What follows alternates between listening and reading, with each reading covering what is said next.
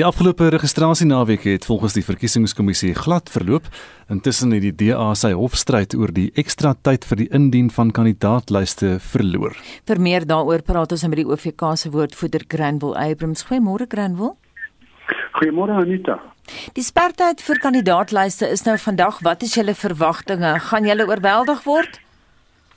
Nee, ek dink nie so nie. Ek dink dat meestal van die uh, politieke partye uh behoort nou hulle uh storie agter mekaar te hê vir al die wat uh gebruik maak van die aanlyn proses. Vir hulle is net die, is dit net die druk van 'n knoppie. Uh maar daar kan verwag word dat by ons plaaslike kantore dat ons uh uh onafhanklike kandidate nog uh gaan kry op hierdie laaste minuut plaas die indien van kandidaatlyste in hierdie stadium ekstra druk op die OVK se hulpbronne? Ja, nee, ek ek ek moet eerlik met u wees, ehm um, nie beslis want as jy nou kyk nou hierdie verkiesing vir hierdie week nou, ehm um, ons het nog nooit hierdie eh uh, hierdie druk ervaar nie. Ons moet ehm um, registrasie, kandidaat nominasie, spesiale stemme alles in een week mee begin maar ons is gereed daarvoor en ek dink wat ons help in hierdie proses is die feit dat al die nominasies van die uh vorige uh uh verkiesingsrooster dat dit nog in plek is so meeste van die werk is al reeds gedoen al. En uh ons beoog om by die einde van vandag dit is ons instruksie aan ons plaaslike kantore enige laat nominasies uh en soos ek uh, nou dit verwys het ons verwag basies net die onafhanklike kandidaate vandag. Uh en dan is die aanlyn stelsel ook ook nog beskikbaar vir die partye of onafhanklikes wat daarvan gebruik wil maak. Kreinwil, ons het nou in die inleiding verwys na die feit dat die afgelope registrasie naweek betreklik vlot verloop het, maar daar was wel mense wat aanlyn gesukkel het. Hoe is daai probleem toe opgelos? Ja, Anita, die die probleem uh wat basies dat daar te veel mense gelyktydig gebruik gemaak het van die kaartfasiliteit wat uh uh al hierdie stelsels ondersteun. Soos jy weet dat as jy registreer, is dit belangrik dat jy 'n adres moet hê en dit is belangrik dat ons moet vasstel waar daai adres uh dan gevestig is want vir 'n plaaslike regering veral is die uh die lokasie van daai adres baie baie belangrik. Uh hy het later in die dag het hy um, gisteraand byvoorbeeld het hy 'n bietjie uitgedun en uh toe was mense weer uh was dit weer moontlik vir hulle om om dan aanlyn te registreer. Uh maar daar was knelpunte oor die naweek. Maar ek wil ook net verwys dat hierdie stelsel, hierdie spesifieke stelsel is al bekend gestel op 14 Julie. En ons het nie die druk ervaar uh wat ons nou sê dit laat volgende verlede week uh tot op gisteraand ervaar het nie. Ehm um, en dan was die fasiliteit om jou adres te verander was al ook beskikbaar van vanaf 2015. Ehm um, maar die die druk op die laaste minuut uh, was nie voorsienbaar nie. Uh, en ehm um, diegene wat dan nou uh, teruggekom het as hulle vroeër uh, probleme ervaar het, was suksesvol, maar diegene wat nou tou opgegee het, uh, ongelukkig is daai uh, tydperk nou verby die feit dat die minister nou die verkiesing aangekondig het, beteken dat uh, gister die 20ste September uh, het die kieserslys uh, gesluit en ons kyk nou vorentoe. Het uh, veral jong mense die geleentheid gebruik om te registreer? Ja, as ons kyk vir die uh, veral ons nuwe registrasies was daar so ongeveer 90% van al ons nuwe registrasies was uh, jong mense uh en uh dit is uh, dit lyk baie belovend vir die toekoms. Ehm um, en uh, maar daar is nog 'n baie baie groot gaping. Ek moet sê as jy kyk na die bevolkingsregister en diegene wat stemgeregtig is, staan ons seker so omtrent op 40 miljoen en ons is nou by sê omtrent so 26 miljoen uh op die kieserslys. So daar is nog so wat 14 miljoen mense daar buite en die meerderheid van hulle is jong mense. Ehm um, so daar's nog baie werk wat voor lê vir die toekoms. As ons nou kyk na die registrasiesyfers van jaar Granville, dan sien mens dat uh, die aantal kiesers afgeneem het met 'n half miljoen.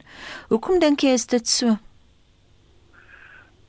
Ja, dit is 'n groot uh, groot vraagteken en uh, ek is seker as uh, verskillende antwoorde uit verskillende ge geleedere.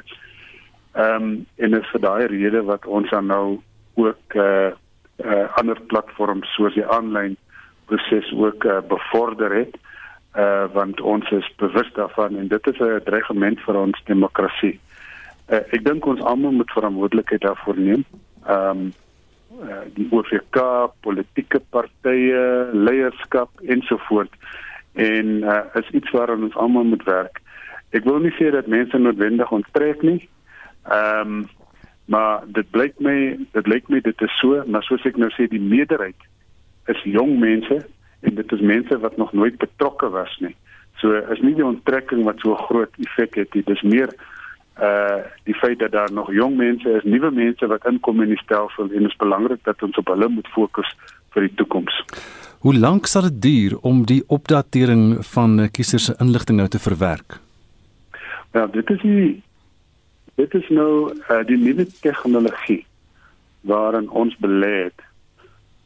Beteken dat Sondag aand en nog gister ook uh is die kieserslys al klaar opgedateer. So daar's nou nie nog vaslegging van papiertjies ehm um, met adresse en besonderhede nie. Alles is vasgelê op die rekenaar en toe ons die rekenaars aanlyn bring, was al daai data opgelaai. So hulle is al breed binne in die kieserslys.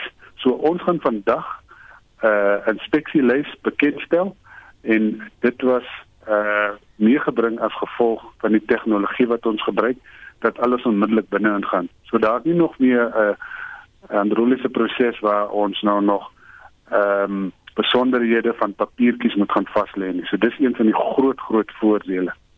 Kry nou ons is nie meer 'n jong demokrasie nie. Ons het nou al verskeie verkiesings gehad. Leer julle uit elke verkiesing uit soos wat julle aangaan? Nee, dis uh, beslis ons leer.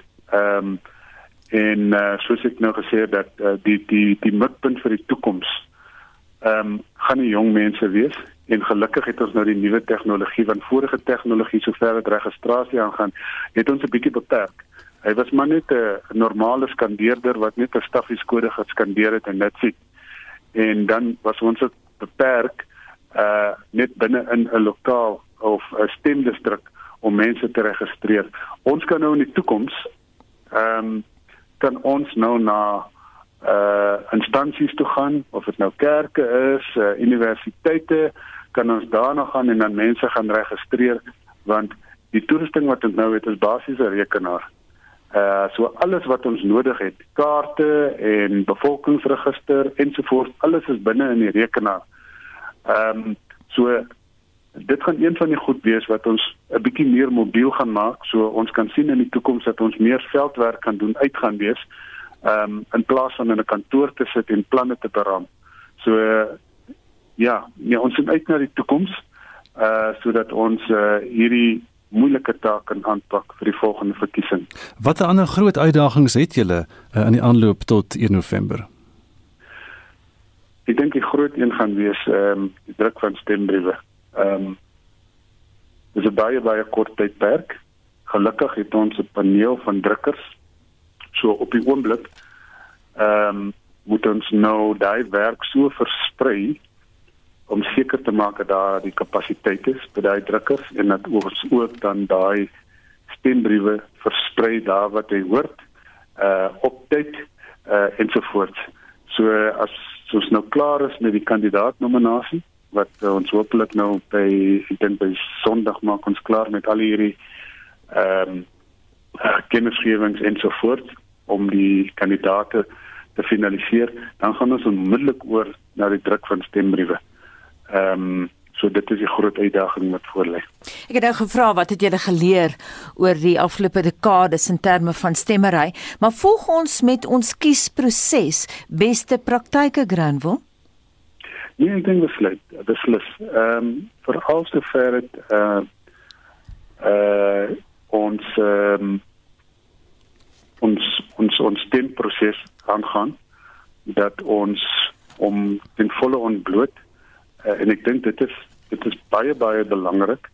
Ehm um, daar is uh sprake en en 'n neigings dat ons uh, elektronies moet stem. Ons is besig met daai gesprek. Ons sou hierdie jaar sou ons ehm um, 'n proefloopie gehad het in 'n paar van ons uh munisipaliteite, maar ongelukkig uh, uh was daai planne geskraap as gevolg van ehm um, befondsing. Uh tesourie sou ons befonds het, maar met die COVID en uh ander prioriteite het die fondse 'n bietjie opgedroog. Ehm um, dit is een seker een uh van die aspekte wat ons ek sal nou nie sê kan verbeter nie, maar waar ons kan 'n proefloopie kan doen.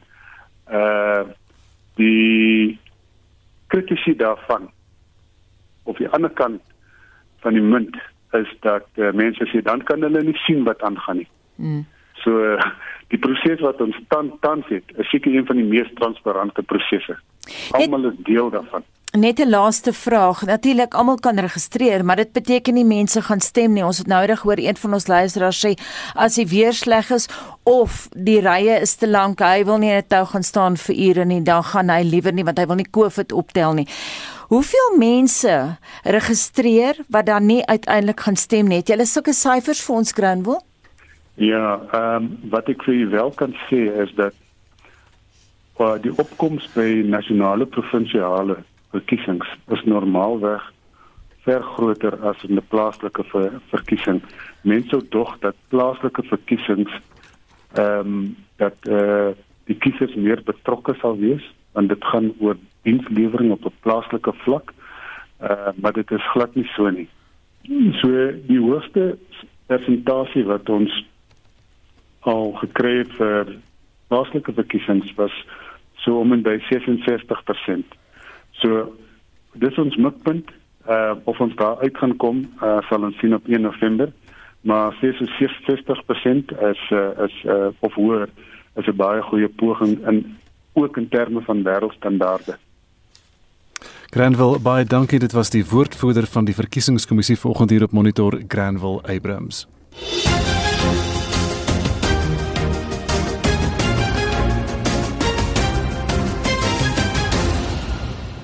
Daar is baie Suid-Afrikaners wat die Britse Hoogkommissaris vanoggend uitvra oor hoekom die land op die Verenigde Koninkryk se rooi lys bly. So sê die Hoogkommissariaat in Pretoria se woordvoerder Isabel Potgieter, Suid-Afrika bly tesame met lande soos Rusland, Turkye en die ganse Suid-Amerika op die Britte se COVID-19 rooi lys. Anita het die volgende verslag saamgestel. Sterftes weens COVID-19 verwante oorsake in Suid-Afrika het vir die eerste keer sedert Mei gedaal tot onder 100.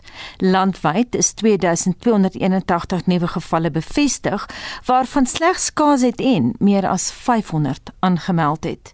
Die jongste syfer beteken 'n verdere daling in die toetspositiwiteitskoers wat nou op net meer as 7% staan. Ten spyte hiervan bly Suid-Afrika op die Engelse se rooi lys huis, die een kleur wat geen reisiger van hou nie.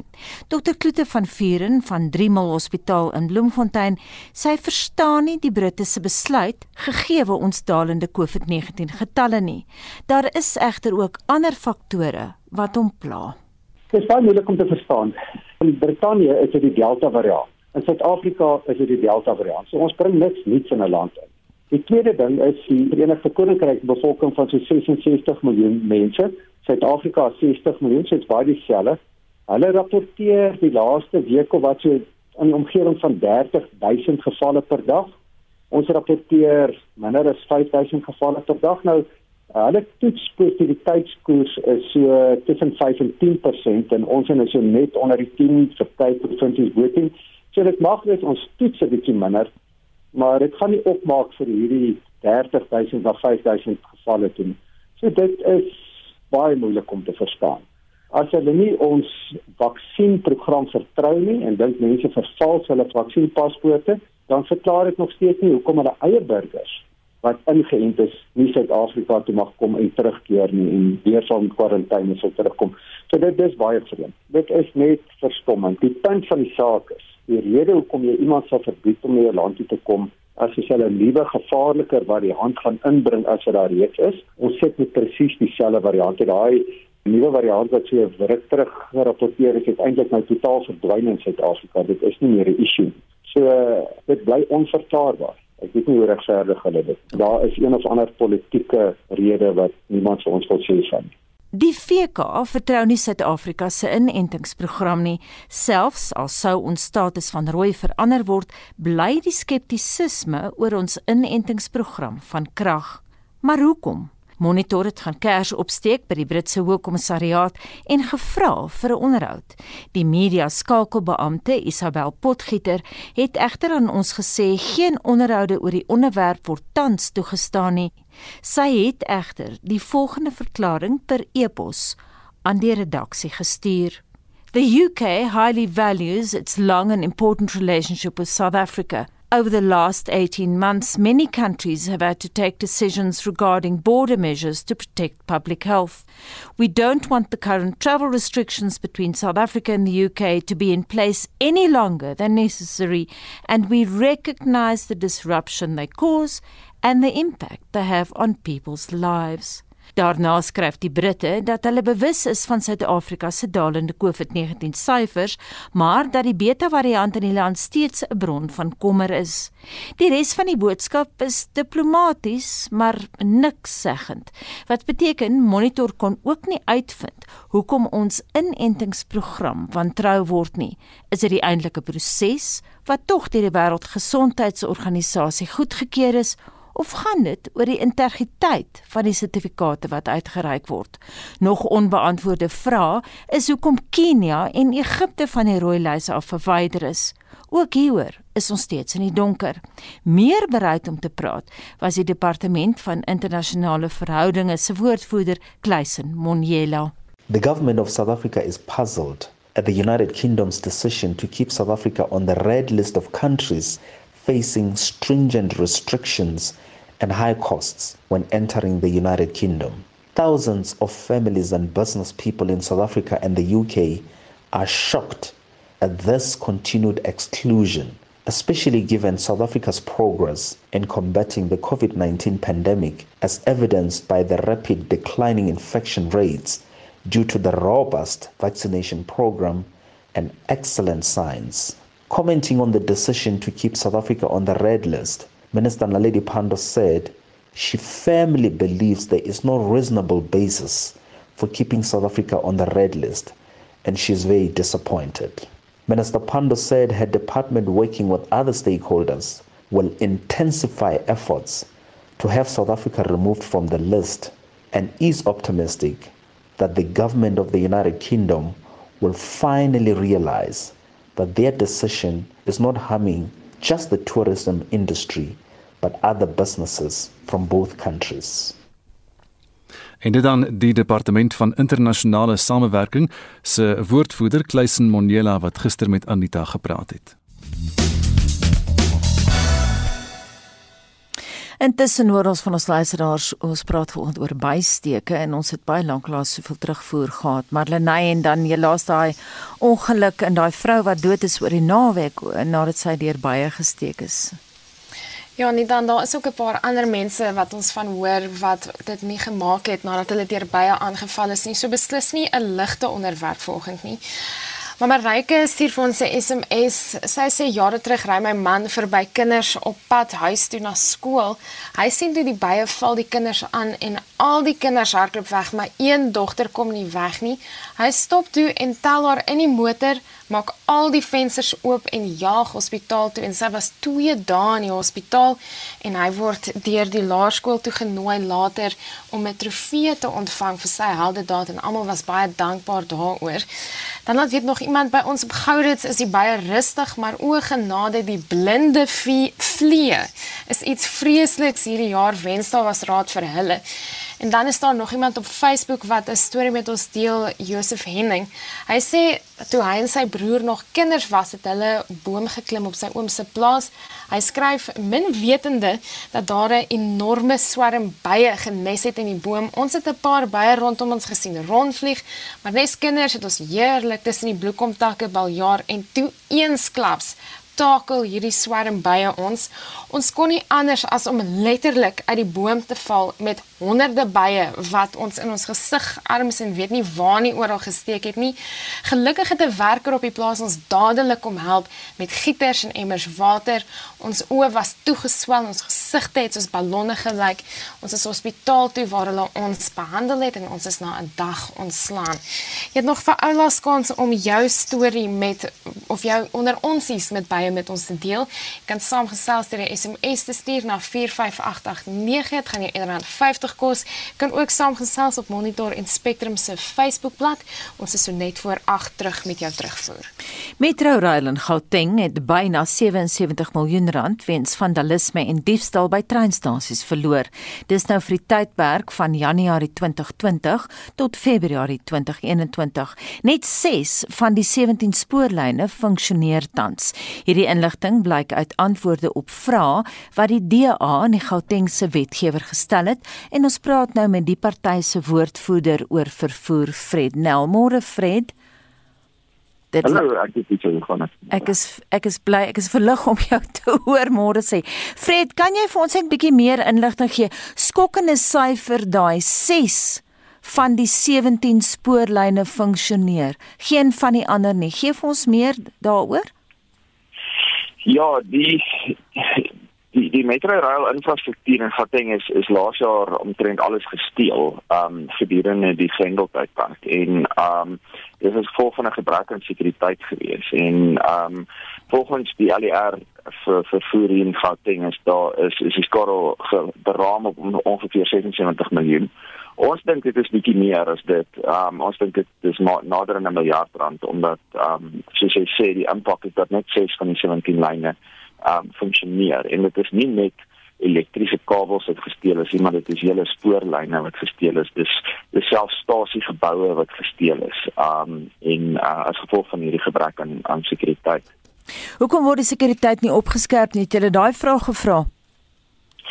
Ja, ons het gevra en hulle sê wel hulle hulle het dit intussen opgeskerp. Ons het ook um um 'n voorleggingsraad van van Metro Rail by ons uh portefeulje komitee waar hierdie vrae en gevra is hulle sê hulle het opgeskerp hulle probeer 'n gemeenskapsprogram aan die gang kry waar hulle patrolleerders inkry en as die probleem is die gemeenskapsprogram is is baie kontroversieel want dit lyk asof mense gewerf word volgens politieke lyne. Ehm um, so dit was problematies, maar ons het hulle daaroor aangevat.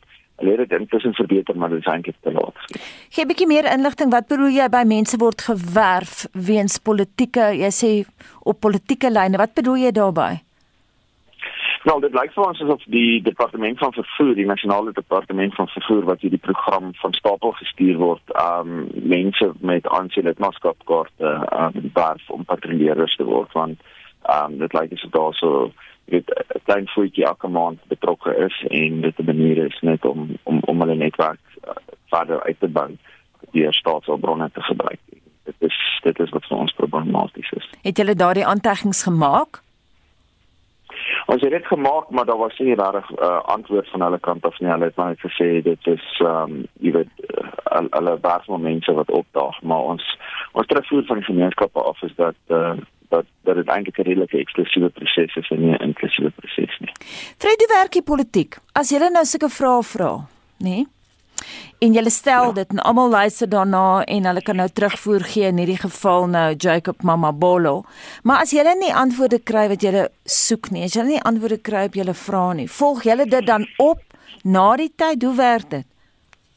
Ja, nee, ons volg dit op. Um ons gebruik al die al die meganismes wat wat beskikbaar is vir ons binne 'n wetgewer om uh, antwoorde te kry.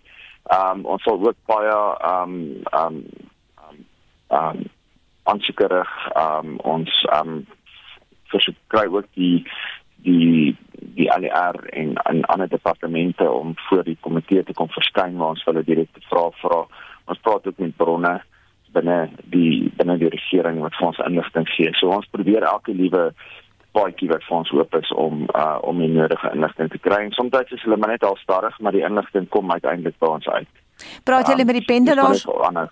Uh, sê, gaan voor, dis maar net 'n ander. Die inligting kom uit. Dis maar net ander en volhou. Fred, praat julle met die pendelaars? Wat sê hulle? Hoe raak dit hulle? Wel dit raak nou ongelooflik erg want ehm um, jy weet ehm um, spoorvervoer is een van die goedkoopste vorms van vervoer. Um en Metrorail was nog altyd goedkoper as om taksies op busse te gebruik veral op die langer afstande binne die provinsie en dit beteken dat die pendelaars moet meer geld uithaal uit hulle sakke uit vir vervoer om by die werk te kom of om by werksgeleenthede te kom of by werksonderhoude. Um so dit um dit dit dit dinge aanpak op hulle wanneer dit vat natuurlik ander geld in die huishouding weg.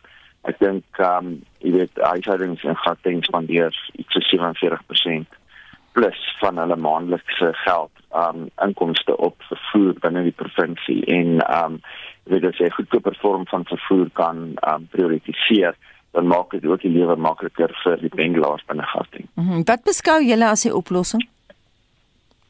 Die oplossing vir ons is dat um dan moet 'n investering gemaak word in in in spoorvervoer binne die provinsie nadat dit geprioritiseer moet word word bo ander vorms van vervoer wat um lukraak tans um geïmplementeer word soos byvoorbeeld die die snelbusstelsels en en hierdie tipe van goederes. Um dit is uh, dis 'n baie beter vorm van vervoer. Dit is jou die kostes wat jy terugkry uit dit uit is baie hoër. Um en wanneer wanneer pendelaars um dra by daartoe.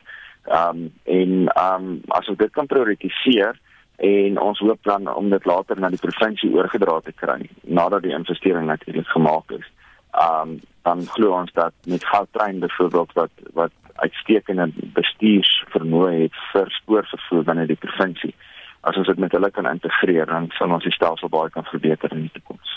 Voorsien jy een of ander spertyd? Dit is alles hang af van geld af op die einde van die dag en dit hang af van hoeveel geld hulle beskikbaar maak vir die opgradering van hierdie van hierdie infrastruktuur. Um, ons weet dat die land bietjie van 'n knykgang is finansiëel. Uh, maar ek dink as ons die ekonomie aan die gang wil kry, is hierdie definitief 'n belegging wat die moeite werd is om te maak. Um en ons sal definitief die binne die ekonomie sal ons sal ons, sal ons kan kapitaliseer op so 'n investering. Baie dankie en daai belofte kom van die DA se woordvoerder oor vervoer in Gauteng, Fred Nel. Vir wêreldnuus sluit Estie de Klerk nou by ons aan en ons begin in Kanada waar stemme op die oomblik getel word in die verkiesing waar dit sover lyk of Kanada se eerste minister Justin Trudeau se liberale party 'n minderheidsparty regering sal vorm. Môre Gustaf, dit is Kanada se tweede algemene verkiesing in net 2 jaar en 'n verkiesing wat deur Trudeau in die lewe geroep is.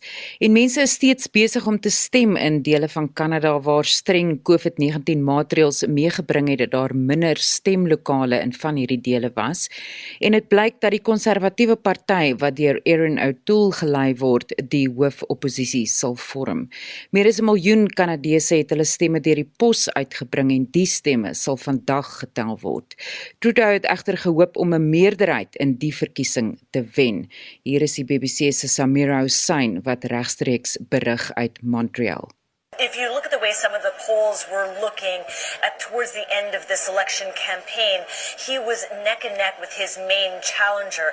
And there were some worries that, in fact, Mr. Trudeau wasn't actually going to keep his position as prime minister. So that is still the case. He does remain prime minister, but he is going to be governing with another minority government. And many Canadians are going to be left wondering why it is that they went to the polls in the first place. Nou beweeg ons na die FSA waar Amerika sy koronavirus reisinperkings verslap het vir reisigers van die Verenigde Koninkryk, die Europese Unie en ander lande. Ja, van November af sal buitelandse reisigers van sommige lande toegelaat word in die FSA as hulle ten volle ingeënt is en 'n COVID-toets ondergaan. Die huidige reëls verban toegang tot die FSA vir die meerderheid in nie-Amerikaanse burgers wat in die VK, die meeste Europese lande, China, Indië, Suid-Afrika, Iran en Brasilië oor die afgelope 14 dae was. Onder die nuwe reëls sal buitelandse reisigers bewys van inenting en 'n negatiewe COVID-19 toets 3 dae voordat hulle vlieg moet toon as ook inligting van mense met wie met wie hulle in kontak was. Daar sal nie vereis word dat hulle in kwarantyne geplaas word nie. Daar is uitsonderings op die reël soos kinders wat nie ingeënt word nie. Dit is nog nie duidelik of dit net van toepassing is op FSA goedgekeurde entstof nie. Hier is 'n reis- en toerisme konsultant in die FSA, Veronica Stoddard. It's really fabulous news for all those travelers around the world who've been waiting and waiting to visit the US for over 18 months. Business and leisure travel both are going to re- really benefit from this, as well as the all important conventions and events business. That's practically been shut down. So everyone is cheering for that. It's going to be a huge boost to global travel. En nou verskuif ons die fokus na Brittanje waar die Britse minister van verdediging Ben Wallace 'n ondersoek ingestel het nadat inligting wat onderskep is met e-posadresse van tientalle Afghaanse tolke wat vir die Britse magte gewerk het. Ja, meer as 250 Afghane wat op die oomblik wag om deur die VK hervestig te word, is per ongeluk ingesluit deur 'n e-pos wat deur Wallace gestuur is. Nou die e-pos is gestuur aan tolke wat in Afghanistan agtergebly het of suksesvol na ander lande verskuif is. Hulle e-posadresse kon deur al die ander e-posontvangers gesien word ook van hulle name en profielfotos. Die minister van verdediging het in 'n verklaring om verskoning gevra. Die epos is gestuur deur die span wat in beheer is van die VK se Afghan hervestigings- en bystandsbeleid wat met hulle in verbinding is sedert die Taliban beheer oor die land oorgeneem het verlede maand. Die minister van verdediging het 30 minute later 'n tweede epos aan die tolke gestuur en gevra hulle met die eerste epos uitwis en hulle gewaarsku dat hulle e-posadresse moontlik in gedrang kan wees en hulle toegevra om hulle e-posadresse te verander. Die voormalige minister van verdediging, Johnny Mercer, het gesê dit is onverskoonbaar en dat talle van die tolke nou weer na ander plekke van veiligheid verskuif sal moet word. En dit was Estie met 'n oorsig oor vandag se wêreldnuus.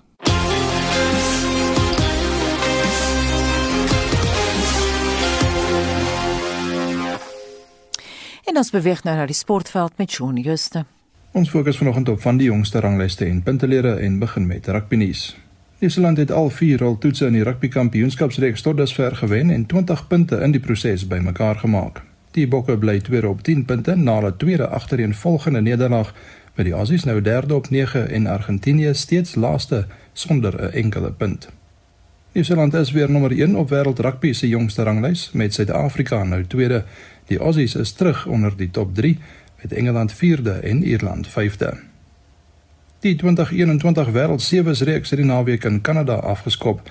Die Blitsbokke het koning gekraai in die toernooi. Hulle is eerste op die punteleer op 20 punte. Kenia is tweede op 18, Groot-Brittanje derde op 16 en Ierland vierde op 14 punte. Kriket. Ons vroue Protea span het hulle eendagreeks in en teen die Wes-Indiese eilande toe met 4-1 gewen en is nou derde op die IKR se eendagranglys vir vroue. Australië is eerste en Engeland tweede. Die 2021 IPL reeks is Sondag in die Verenigde Arabiese Emirate hervat nadat dit vroeër die jaar weens die koronaviruspandemie onderbreek was. Die Chennai Super Kings en Delhi Capitals het beide 12 punte na 8 wedstryde. Die Royal Challengers Bangalore is derde op 10 en die Mumbai Indians vierde op 8 punte ook na 8 wedstryde. Sokker. Mamelodi Sundowns is die alleen voorlopers in die DStv Premierliga en staan op 10 punte na 4 wedstryde. SuperSport United, Stellenbosch FC en Orlando Pirates rond die top 4 af op 8 punte. Chelsea, Liverpool en Manchester United op 13 punte elk spog met die top 3 plekke in die Engelse Premierliga.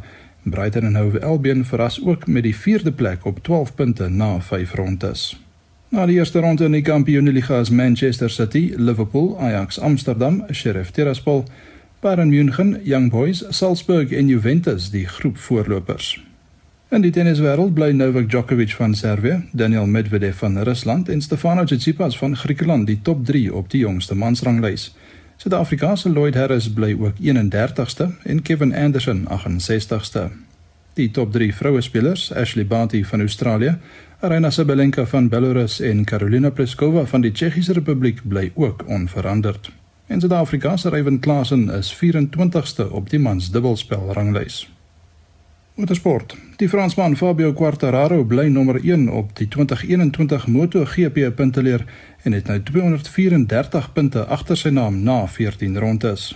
Die Italianer Francesca Bagnaia is tweede op 186 en die Spanjaard Juan Mir derde op 167 punte.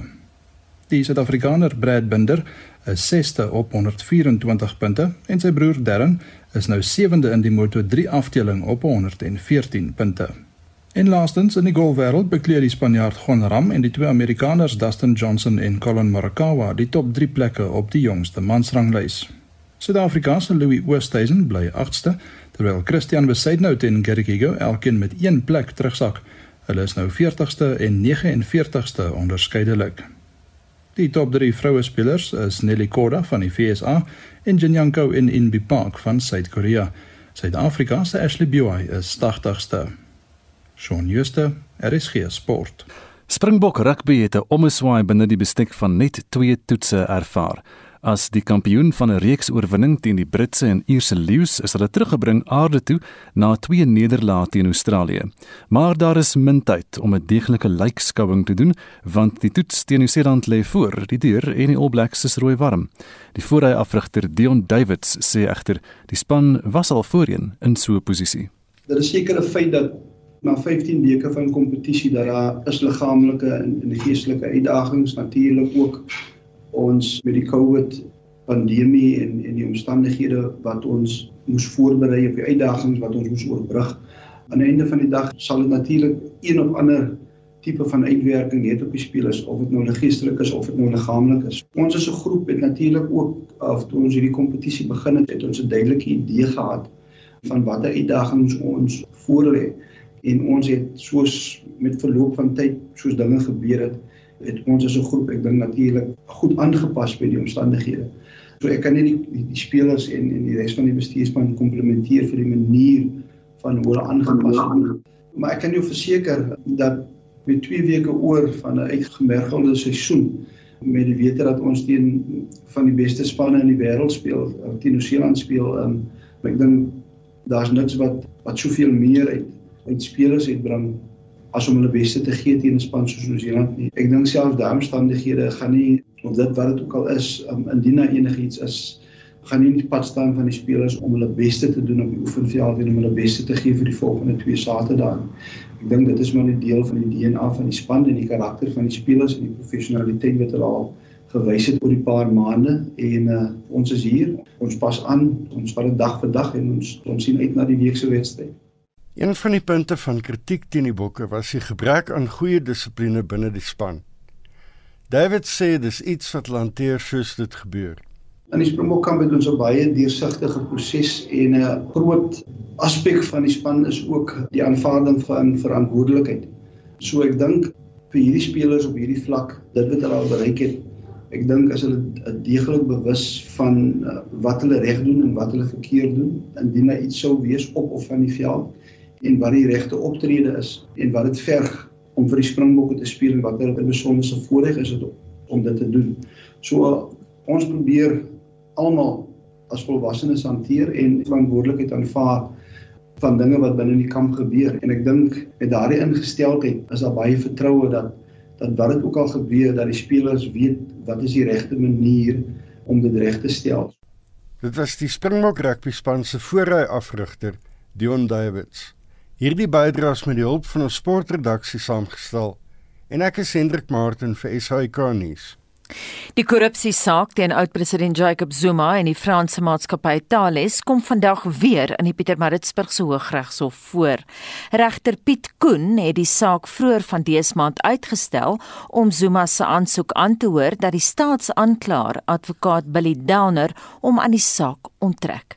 Hierdie aansoek wat deel is van Zuma se pleitverduideliking word al van verlede maand deur Zuma se swak gesondheid vertraag.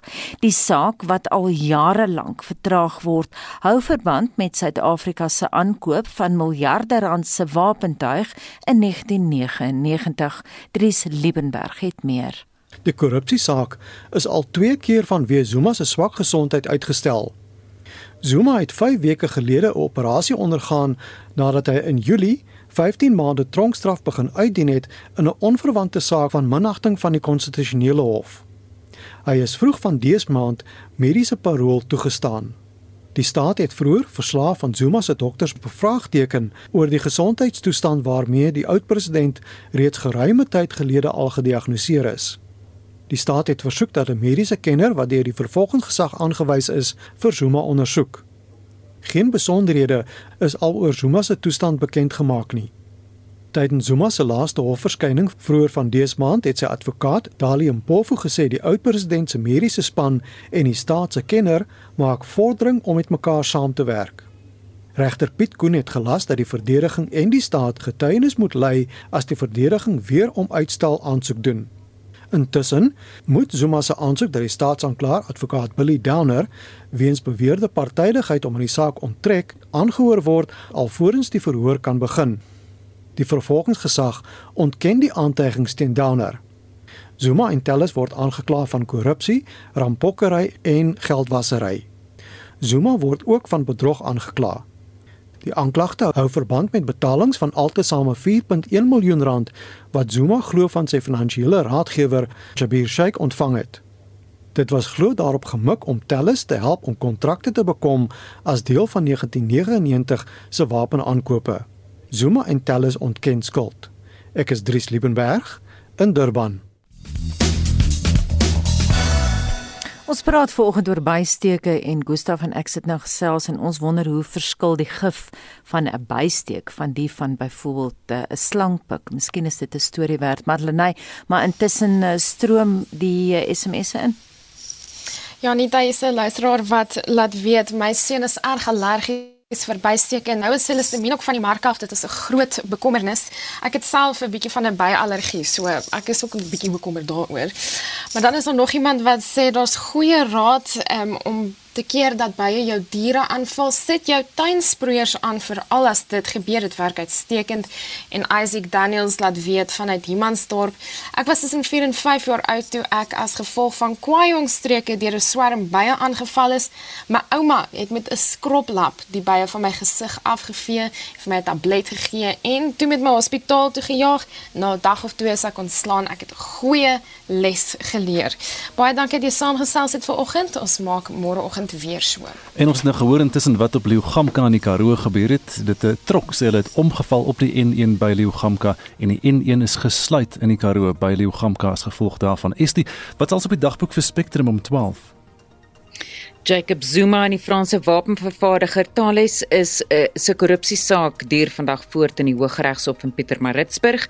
Goeie nuus vir onder meer Suid-Afrikaanse reisigers nadat die FSA na 18 maande sy COVID-19 reisinperkingsmaatreëls ophef en die ANC Vroueliga president Batabile Dlamini verskyn vandag in Johannesburg se Landdroshof op aanklagte van myn eet. Skakel in vir Spectrum tussen 12 en 1. En dit was monitor met ons uitvoerder geseur Nicoline de Wee.